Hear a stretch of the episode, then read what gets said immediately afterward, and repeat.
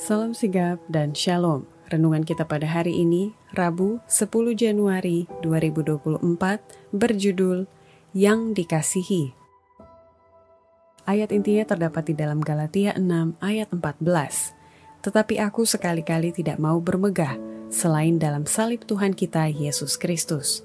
Sebab olehnya dunia telah disalibkan bagiku dan aku bagi dunia.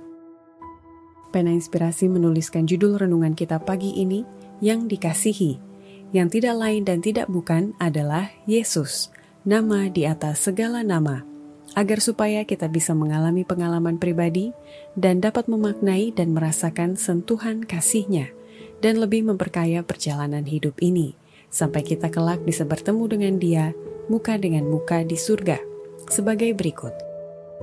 Pertama, oleh sebab Yesus adalah yang dikasihi, maka sebagai pengikutnya kita dituntut menunjukkan perasaan kasih sayang yang disucikan terhadap Allah dan terhadap sesama manusia. Kekristenan adalah menyatakan perasaan kasih sayang yang paling halus terhadap satu sama lain. Kristus yang harus menerima kasih tertinggi dari makhluk-makhluk yang ia telah ciptakan. Dan ia pun menuntut agar manusia menyukai suatu penghargaan yang suci terhadap sesamanya, setiap jiwa yang selamat akan diselamatkan melalui kasih yang dimulai dari Allah. Pertobatan sejati adalah suatu perubahan dari sifat mementingkan diri kepada perasaan kasih sayang yang disucikan terhadap Allah dan sesamanya.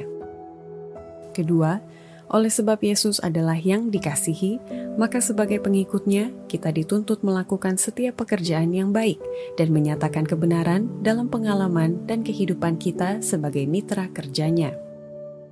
Terang itu menyatakan kebenaran dalam pengalaman dan kehidupan. Injil itu bergantung pada kesalehan seseorang dari orang-orang percaya karena kuasanya yang agresif. Dan Allah telah menyediakan persiapan melalui kematian anaknya yang dikasihinya, agar setiap jiwa dapat dipersiapkan dengan seksama untuk melakukan setiap pekerjaan yang baik. Setiap jiwa menjadi terang yang bercahaya, menunjukkan kepujian Dia yang telah memanggil kita keluar dari kegelapan, memasuki terangnya yang ajaib. Kita adalah mitra kerja Allah. Ya, pekerja. Itu berarti melakukan pelayanan yang sungguh-sungguh di kebun anggur Tuhan. Ada banyak jiwa yang akan diselamatkan, yaitu jiwa-jiwa di dalam gereja kita, di dalam kelas sekolah sabat, dan di lingkungan kita. Ketiga, oleh sebab Yesus adalah yang dikasihi, maka sebagai pengikutnya kita dituntut setia menabur benih-benih kebenaran tanpa henti, terutama bagi para guru-guru. Lahan itu keras, namun lahan tandus itu harus diolah, dan benih-benih kebenaran harus ditaburkan.